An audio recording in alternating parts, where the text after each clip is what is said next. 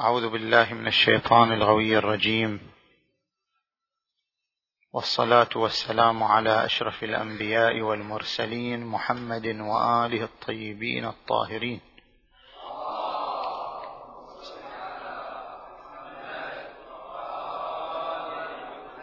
بسم الله الرحمن الرحيم. ذلك ومن يعظم شعائر الله فإنها من تقوى القلوب. صدق الله العلي العظيم. هناك مجموعة من الاستفهامات تطرح حول الشعائر الحسينية. ما هي الشعيرة؟ وما هو المدرك والدليل على مشروعية الشعيرة؟ وما هي الأدوار والمراحل التي مرت بها الشعيرة الحسينية؟ وما هي فلسفة الشعائر الحسينية؟ وهل أن الشعائر الحسينية قابلة للتطوير والتغيير أم لا؟ فأمامنا مجموعة من الأسئلة والاستفهامات نسلط الضوء عليها. السؤال الأول ما هي الشعيرة؟ الشعيرة كل عمل يقوم به الإنسان إعلانا لقضية معينة فهو يعد شعارا للقضية وشعيرة لها. مثلا ما يصنعه المسيحيون من رفع الصليب. الصليب شعيرة وشعار لأن الصليب إعلان لقضية يعتقدون بها وهي صلب المسيح عليه السلام. وإن كنا لا نوافقهم في هذا المعتقد. مثلا الأذان في الشريعة الإسلامية شعيرة لأنه إعلان لقضية أساسية بين المسلمين ألا وهي أهمية المبادرة إلى العبادة. مثلا نحر الهدي في منى أيام الحج شعيرة كما ذكر القرآن الكريم والبدن جعلناها لكم من شعائر الله. نحر الهدي شعار للتقوى شعار للتضحية بالمال في سبيل الله عز وجل. إنه لن ينال الله لحومها ولا دماؤها ولكن يناله التقوى منكم. فذبح الهدي شعار للتقوى شعار للتضحية في سبيل الله بالأموال بل بما هو أثمن وأنفس من الأموال. اذا الشعيرة هي كل عمل يعد مظهرا واعلانا لقضية من القضايا التي يؤمن بها الإنسان. السؤال الثاني ما هو مدرك وما هو الدليل على مشروعية الشعائر وخصوصا الشعائر الحسينية؟ هناك عناوين ثلاثة تندرج ضمنها وتحت إطارها الشعائر. العنوان الأول عنوان تكريم النبي محمد صلى الله عليه وآله. عظيم المواقف وبديع الحكم وما حفلت به من اجمل هدي. والعنوان الثاني عنوان إبراز محبة أهل البيت عليهم السلام. والعنوان الثالث عنوان إعلاء ذكر الله عز وجل. فعندنا عناوين ثلاثة. العنوان الأول ألا وهو تكريم النبي وتمجيده. الآية القرآنية تقول والذين آمنوا به يعني النبي صلى الله عليه وآله وعزروه ونصروه واتبعوا النور الذي أنزل معه. آمنوا به أي اعتقدوا بنبوته. نصروه أي جاهدوا بين يديه بألسنتهم بأموالهم بأنفسهم. إذا ما معنى عزروه؟ معنى عزروه يعني مجدوه وكرموه. التعزير بمعنى التمجيد والتكريم. فالمؤمن من خصائص إيمانه من خصائص كونه مؤمنا الإيمان بالنبي ونصرة النبي. ومن خصائص كونه مؤمنا تكريم النبي صلى الله عليه وآله وتمجيده فالتكريم والتمجيد من خصائص الإيمان. آمنوا به وعزروه ونصروه. التعزير هو التمجيد والتكريم. تمجيد النبي بالصلاه عليه. يا أيها الذين آمنوا صلوا عليه وسلموا تسليما.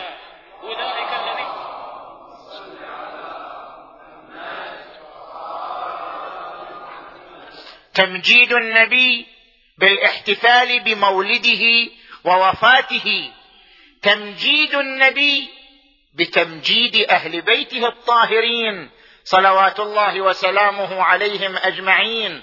فإن الاحتفال بأهل البيت في مواليدهم ووفياتهم تمجيد وتكريم للنبي صلى الله عليه وآله باعتبار أنهم بنص النبي امتداد له وشمولية له حيث قال إني مخلف فيكم الثقلين كتاب الله وعترتي أهل بيتي فانظروا كيف تخلفونني فيهما.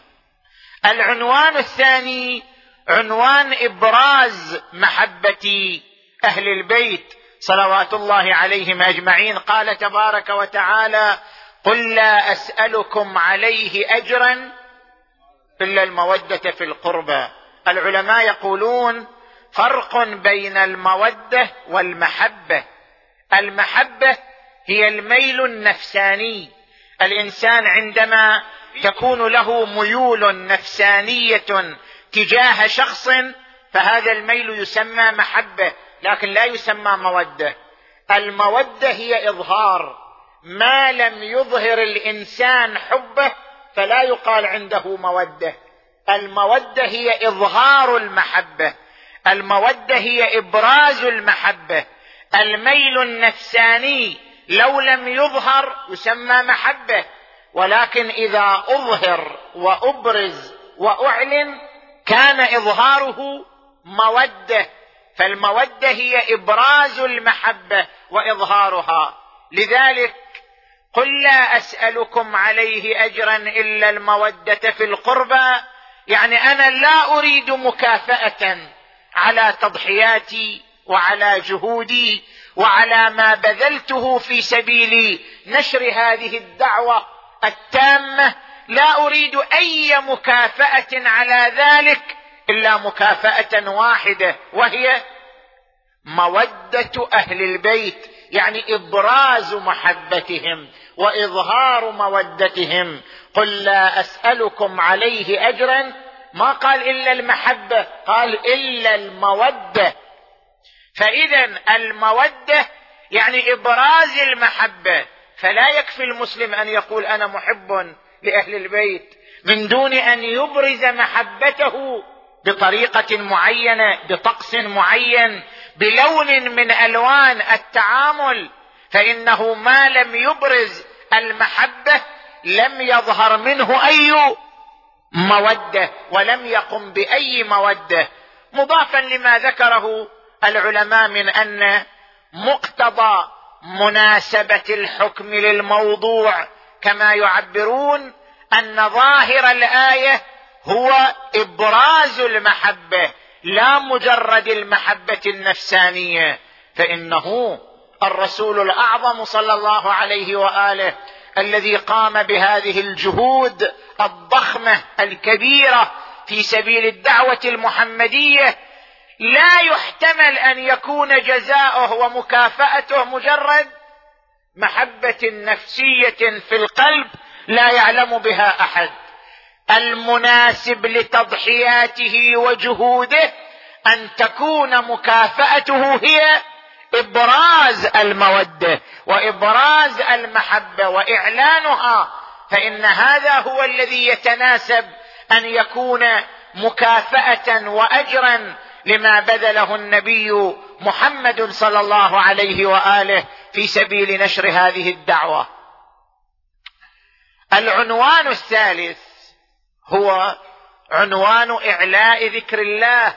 كما قال تبارك وتعالى ذلك ومن يعظم شعائر الله فإنها من تقوى القلوب صحيح أن الآية وردت في سياق شعائر الحج ولكن كما يقول العلماء خصوص المورد لا يخصص الوارد. الآية وإن كانت واردة في سياق آيات الحج الا انها تتكلم عن كبرى وعن قاعدة وعن قانون كلي. ذلك ومن يعظم شعائر الله يعني أي شعيرة تظهر ذكر الله تحيي ذكر الله عز وجل فحقيق بالمسلم أن يعظمها. وأن يشيد بها ومن أوضح الشعائر التي تعلي ذكر الله وتحقق المبادئ السماوية الشعائر الحسينية التي هي تفاعل مع مبادئ الحسين ومع قضية الحسين ومع صرخة الحسين صلوات الله وسلامه عليه. اذا هذه العناوين القرآنية الثلاثة هي الدلائل والمدارك على مشروعية إقامة الشعائر الحسينية. السؤال الثالث ما هي المراحل التي مرت بها الشعائر الحسينية؟ هناك مراحل ثلاث مرحلة التخطيط ومرحلة الترويج ومرحلة الترسيخ. المرحلة الأولى هي مرحلة التخطيط. كل حجة وكل إمام قام بمرحلة من من المراحل. المرحلة الأولى مرحلة التخطيط. من الذي خطط لهذه الشعائر التي نمارسها ونسير عليها؟ أول من خطط لهذه الشعائر الحسين نفسه. الإمام الحسين نفسه هو الذي خطط لهذه الشعائر. عندما قال شاء الله أن يراني قتيلا وأن يرى النساء سبايا. أنتم تعرفون أن الإنسان العاقل الحكيم هو الذي إذا أنشأ مشروع معين ينشئ ضمانات لهذا المشروع. الإنسان العاقل لا يكتفي بأن ينشئ المشروع ثم يترك المشروع تحت رحمة الزمن أو تحت رحمة المجتمع أو تحت رحمة الأعاصير. هذا ليس إنسانا حكيما ليس إنسانا بعيد النظر. الإنسان الحكيم بعيد النظر هو الذي إذا أسس مشروعا أيضا يؤسس معه الضمانات التي تتكفل استمرار المشروع وبقاء المشروع. الحسين عليه السلام. أسس مشروعه. ألا وهو مشروع الإصلاح. ما خرجت اشرا ولا بطرا ولا مفسدا ولا ظالما. وإنما خرجت لطلب الإصلاح. مشروع الحسين هو مشروع الإصلاح. لكن ما هي الضمانات؟ ما هي الضمانات التي وضعها الحسين باستمرار مشروعه ولبقاء صرخته؟ ولبقاء صوته. الضمانات هي الوسائل الإعلامية التي اتخذها الحسين في سبيل إبلاغ صوته وصرخته لأكبر عدد ممكن. والوسائل الإعلامية هي السبايا. هي صوت زينب. هي صرخة زينب. شاء الله أن يراني قتيلا. هذا هو المشروع. وأما الضمانات والوسيلة الإعلامية التي تتكفل ببقاء مشروعي فهي الجملة الثانية. وشاء الله أن يرى النساء سبايا. خروج النساء سبايا هو الوسيلة الإعلامية التي تتكفلت ببقاء هذا المشروع. لولا سبي زينب ولولا أن زينب تعرضت لهذه الصورة من السبي ومن الألم ومن الصراخ ومن الصوت لما بقيت ثورة الحسين ولتبخرت أدراج الرياح إذا صوت زينب لأنه صوت امرأة وصوت المرأة مؤثر في القلوب خصوصا إذا كان صوتا مشفوعا بالحزن ومشفوعا بالأسى ومشفوعا بالمظلومية صوت المرأة عندما يمتزج بالمظلومية والاسى من أعظم الوسائل الإعلامية التي تؤكد القضية وترسخها في النفوس. اذا سبي زينب وصوت زينب كان وسيلة إعلامية ضمنت مشروع الحسين في أن يبقى مستمرا وأن يبقى شامخا وأن يبقى صامدا. فالحسين هو الذي خطط لمشروعه عندما قال شاء الله أن يراني قتيلا وأن يرى النساء سبايا. المرحلة الثانية مرحلة الترويج.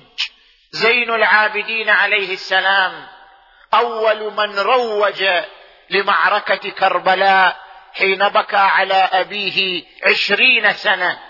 الباقر عليه السلام الصادق عليه السلام الرضا عليه السلام حينما كانوا يستدعون الشعراء والنادبين الذين ينشدون الشعر في رثاء الحسين عليه السلام امرر على جدة الحسين وقل لأعظمه الزكية يا اعظما لا زلت من وطفاء ساكبة روية وإذا مررت بقبره فأطل به وقف المطية وابك المطهر للمطهر والمطهرة النقية كبكاء معولة دنت يوما لواحدها المنية. هذه كانت مرحلة الترويج. الإمام الصادق عليه السلام يقول أوصاني أبي الباقر عليه السلام أن أستأجر عش أن أستأجر له عشر جواري يندبنه في منى أيام منى.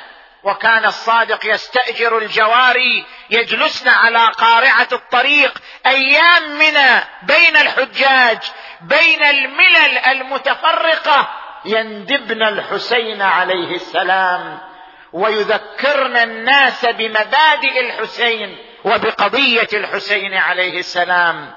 المرحلة الثالثة مرحلة الترسيخ والتي قام بها علماؤنا رضوان الله تعالى عليهم منذ عصر الإمام الهادي والعسكري إلى يومنا هذا. رسخوا هذه الشعائر وثبتوها وأكدوا عليها وتواصلوا معها جيلا بعد جيل حتى أصبحت هذه الشعائر من ركائز المذهب الإمامي.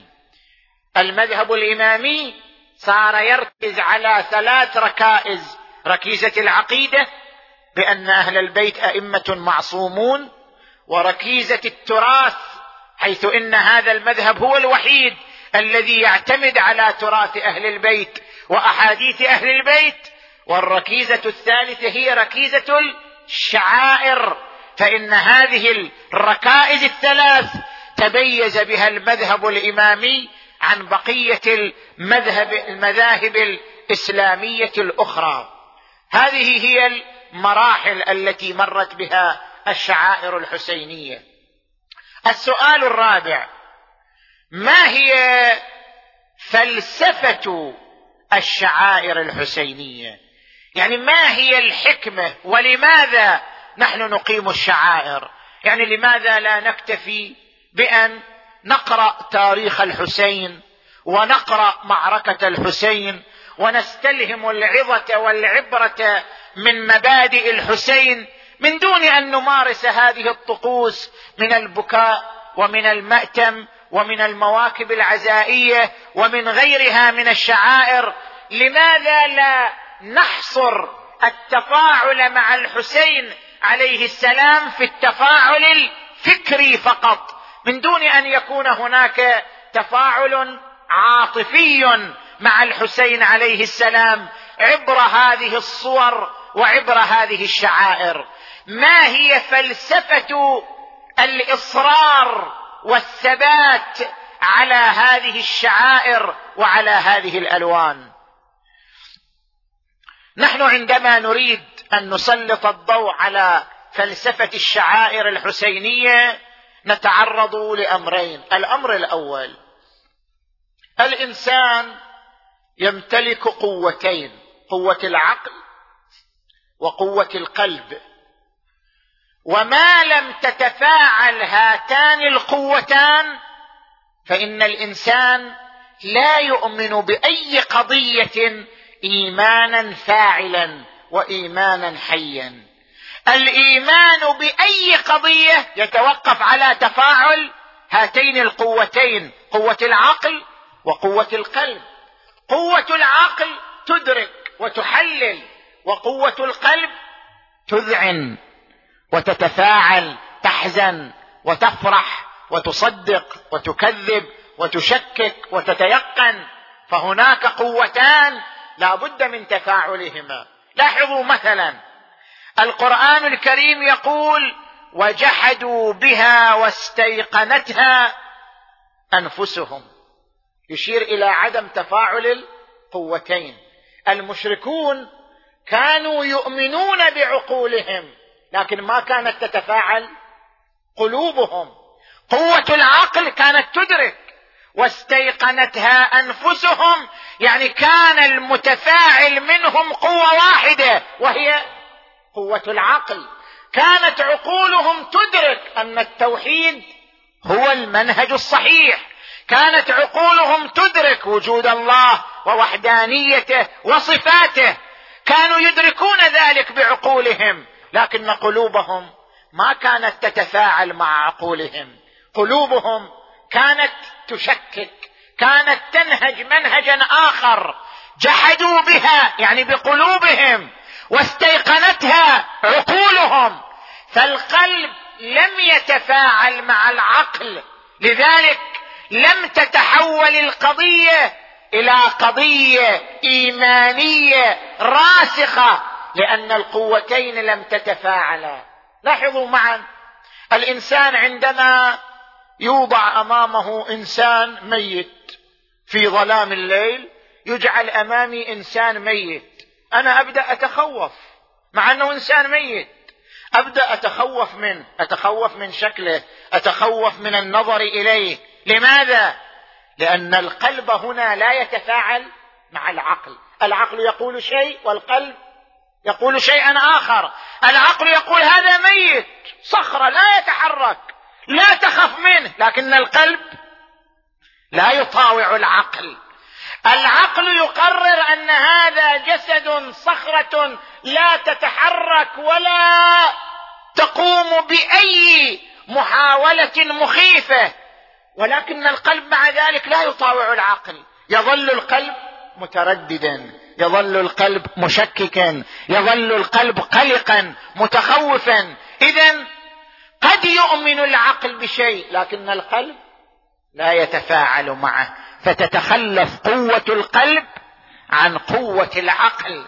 لذلك لا يتحول الإيمان إلى إيمان حي إيمان فاعل إيمان راسخ لأن القلب لم يطاوع العقل. لذلك من هذا المنطلق جاءت فكرة شنو؟ الشعائر الحسينية. من أجل تفاعل القلب مع العقل. من أجل أن تتعاطف كلا القوتين في التفاعل مع مبادئ الحسين. الحسين مجموعة من المبادئ كرامة حرية إصلاح.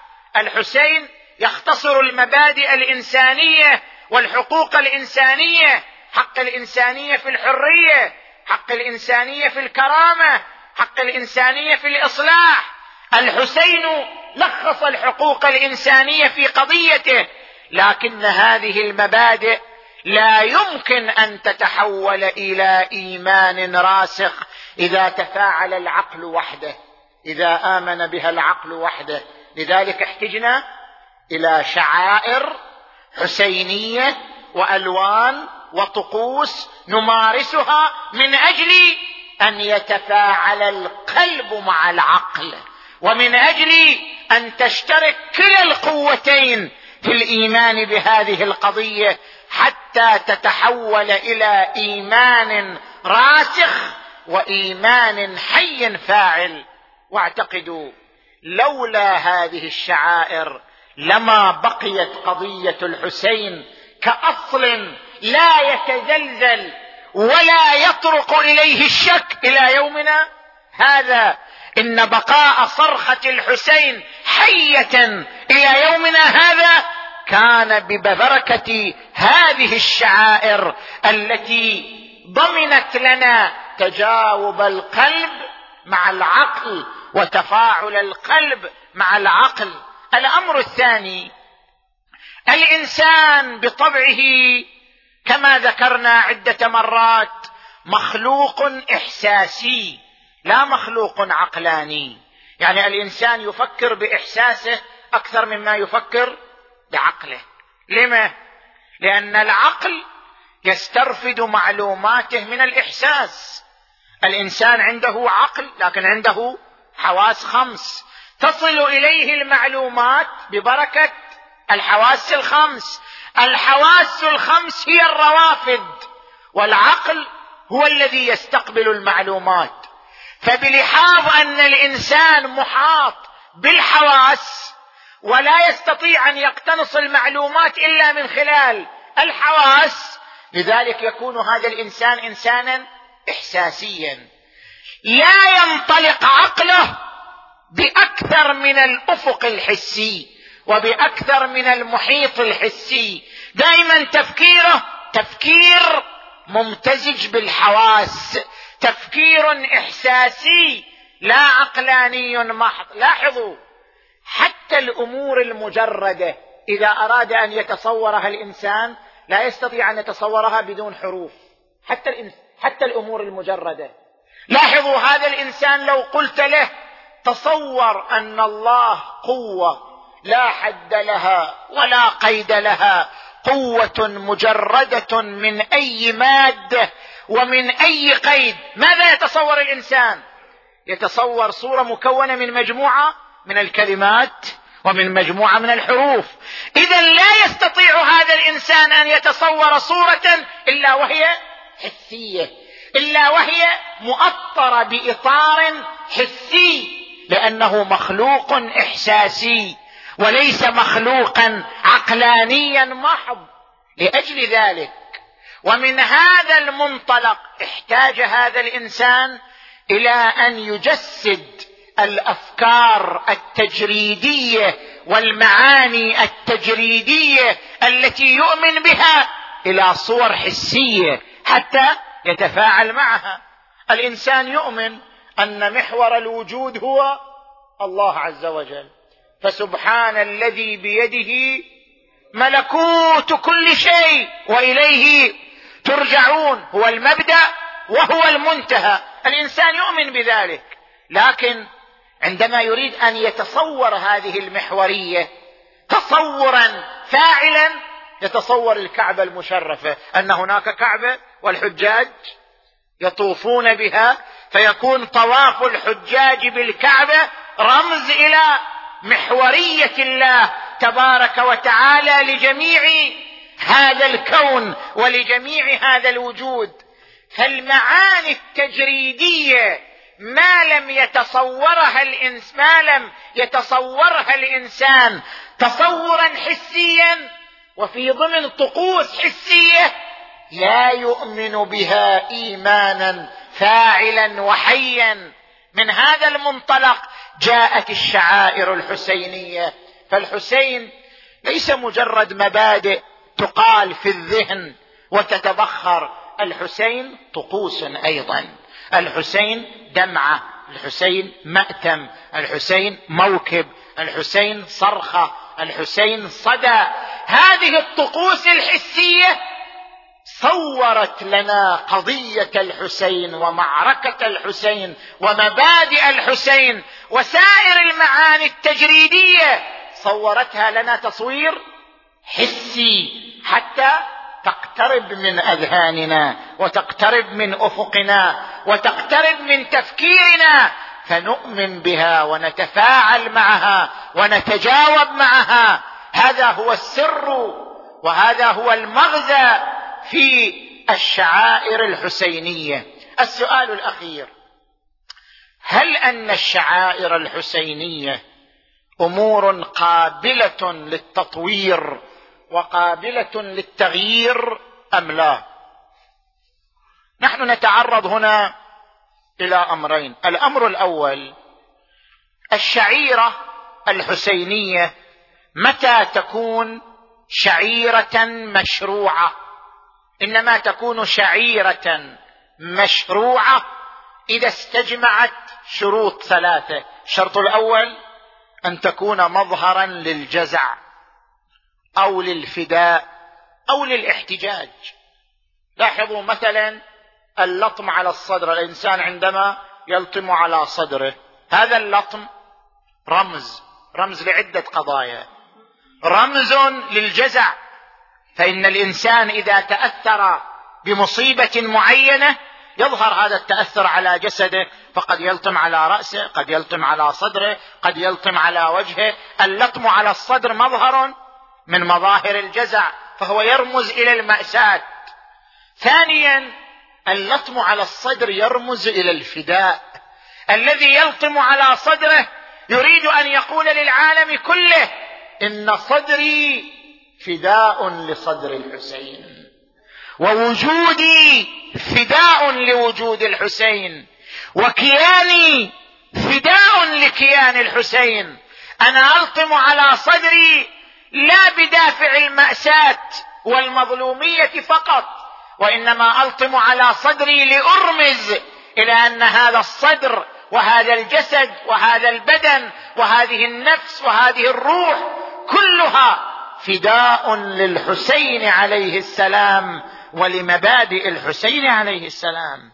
وثالثا بأن اللطم على الصدر رمز للاحتجاج حيث لم تقترف الأمة جريمة أكبر من جريمة يوم كربلاء التي فيها أبيدت عتره النبي المصطفى صلوات الله وسلامه عليهم أجمعين. فأنا من أجل الاحتجاج على تلك الجريمة الشنعاء وأمثالها من الجرائم في حق الإنسانية منذ ذلك اليوم إلى يوم القيامة هذا اللطم على الصدر أرمز به للاحتجاج على تلك الجريمة الشنعاء. اذا الشرط الأول في الشعيرة أن يكون رمزا إما للجزع إما للاحتجاج إما للفداء. الشرط الثاني أن تكون أن لا يكون موجبا لضرر بليغ على الجسد بحيث يعد جناية على النفس وإلقاء بالنفس إلى التهلكة. إذا بلغ التصرف بالجسد إلى حد الضرر البليغ الذي يعد ظلما للنفس وجناية على النفس ومصداقا لقوله تعالى ولا تلقوا بأيديكم إلى التهلكة فهو شعيرة محرمة وليس شعيرة مشروعة. الشرط الثالث أن لا تكون هذه الشعيرة موجبة لهتك المذهب ولوهن الطائفة الإمامية فإن المذهب الإمامي هو صورة معبرة عن أهل البيت. صلوات الله عليهم أجمعين. لذلك يجب أن تكون وسائلنا الإعلامية التي نريد أن نظهر بها مبادئ أهل البيت صورة نقية صورة سليمة لا تعد ممارستها هتكا لحرمة الأئمة عليهم السلام. ووهنا لهذا المذهب العقلاني العظيم القائم على أصول وجذور عقلانية محكمة. هذه الشروط الثلاثة إذا توفرت في الشعيرة كانت شعيرة مشروعي مشروعة جائزة. الأمر الثاني الشعائر على قسمين شعائر ثابتة وشعائر متغيرة. الشعائر الثابتة هي الشعائر التي ورد النص بها عن أهل البيت صلوات الله وسلامه عليهم أجمعين. شعيرة البكاء ورد النص عليها من ذكرنا عند فسال من عينه مقدار جناح ذباب غفر الله له ذنوبه. شعيرة الندبة شعيرة اللطم شعيرة الاحتفال وردت النصوص بها. ورد عن الباقر عليه السلام يا فضيل أتجلسون وتتحدثون؟ قلت بلى سيدي قال إني أحب تلك المجالس. فأحيوا فيها أمرنا. الإمام الصادق عليه السلام يسأل أحد الأصحاب يقول كيف رأيت الناس عند قبر جدي الحسين؟ هذا الراوي يصف للإمام كيف رأى الناس. قال رأيتهم بين نادب يندب. يندب يعني يقرأ رثاء يقرأ شعر يندب. بين نادب يندب وقاص يقص اكو إنسان يقص القصة. كيف حدثت في كربلاء؟ شنو صار؟ شنو ما صار؟ بين نادب يندب وقاص يقص ولاطم يلطم. قال الحمد لله الذي جعل من شيعتنا من يفد إلينا ويندبنا. هذه الشعائر مورست وأهل البيت حضور أهل البيت لطموا. عند جسم الحسين وعند قبر الحسين بمرأ وبمسمع من زين العابدين عليه السلام وأقروا وأمضوا هذه الشعائر. اذا هذه الشعائر ورد النص بها فهي شعائر ثابتة لا تقبل التغير ولا التبديل. هناك شعائر متغيرة وهي الشعائر التي تختلف باختلاف المجتمعات. لأن المجتمعات تختلف في ثقافتها. اختلاف الثقافات يفرض أحيانا اختلاف طريقة الشعائر وطريقة التعبير. مثلا عندما تنظرون إلى الهند وباكستان الهند وباكستان أيام عاشوراء يمشون على الجمر يجعلون الجمر بأعداد هائلة ويمشون عليها من دون مبالاة ومن دون تعلم هذه شعيرة يمارسها المسلمون في الهند وفي باكستان لكنها شعيرة لم يرد النص بها. شعيرة متغيرة. لماذا؟ لأنها شعيرة تنبع من ثقافة معينة. ثقافة المجتمع الهندي هي ثقافة تسخير الجسد لأغراض معينة. لذلك تلاحظون في هذا المجتمع تنتشر الرياضات البدنية الشاقة. والرياضات الروحية الشاقة. ثقافة المجتمع الهندي تفرض هذا اللون من الطقوس وهذا اللون من الممارسات لأنها تنسجم مع طبيعة المجتمع وطبيعة ثقافة المجتمع. هذه ثقافات هذه شعائر متغيرة وليست شعائر ثابتة. من هنا نقول بأن الشعائر المتغيرة قابلة للتطوير وقابلة للتجديد لأننا دائما نقصد أفضل وسيلة إعلامية نظهر بها مبادئنا ونظهر بها تاريخ أئمتنا صلوات الله وسلامه عليهم أجمعين. فنحن نحتاج إلى قناة الحسين نحن نحتاج إلى وقف الحسين نحن نحتاج إلى مسرح الحسين. نحن نحتاج في هذا العصر إلى ألوان جديدة من الشعائر إلى مظاهر جديدة من الشعائر. نحن نحتاج إلى قناة الحسين قناة خاصة بالحسين عليه السلام قناة فضائية لا تتكلم إلا عن الحسين وكربلاء. وذكر الحسين ومظاهر الحسين وقضية الحسين عليه السلام حتى يصل صوت الحسين إلى كل سمع وإلى كل قلب وإلى كل عقل. نحن نحتاج إلى مسرح الحسين. المسلمون يمتلكون طاقات فنية يمتلكون مواهب فنية ويمتلكون إمكانات مادية هائلة جدا.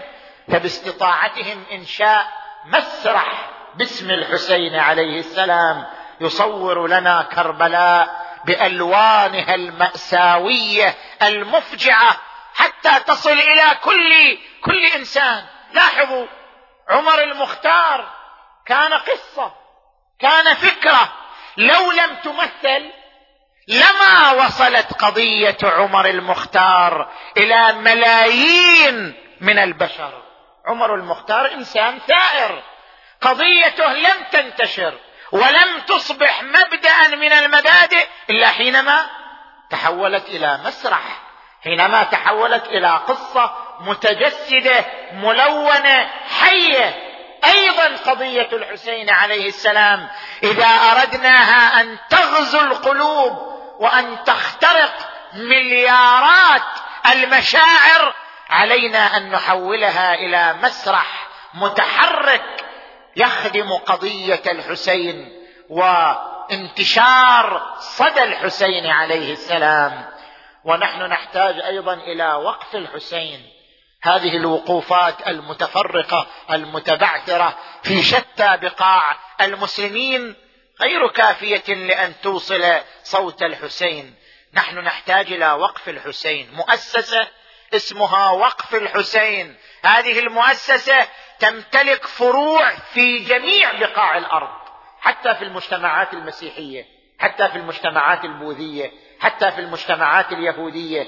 تمتلك فروع في جميع البقاع وتستغل أيام عاشوراء في إعطاء الهدايا في توزيع الهدايا في توزيع باقات الزهور والورود في توزيع كتيبات في توزيع كلمات الحسين عليه السلام وصوت الحسين عليه السلام. عندما تتكفل مؤسسة اسمها وقف الحسين باستغلال أيام عاشوراء في كل سنة وفي كل مجتمع مسلم أو غير مسلم في أن تهدي باقة ورد ملونة باسم الحسين. ملونة بكلمة من كلمات الحسين. والله لا أعطيكم بيدي إعطاء الذليل ولا أثر فرار العبيد. فإنها تخدم قضية الحسين عليه السلام وترسخ مبادئ الحسين عليه السلام أكثر من أي وسيلة إعلامية أخرى نسأل الله تبارك وتعالى أن يجعلنا مع الحسين. اللهم اجعلني عندك وجيها بالحسين في الدنيا والآخرة. اللهم ارزقنا في الدنيا زيارة الحسين وفي الآخرة شفاعة الحسين. اللهم احشرنا في زمرتهم ثبتنا على ولايتهم والبراءة من أعدائهم. وإلى أرواح أموات المؤمنين والمؤمنات وخصوصا أموات الجالسين رحم الله من يقرأ الفاتحة تسبقها الصلوات.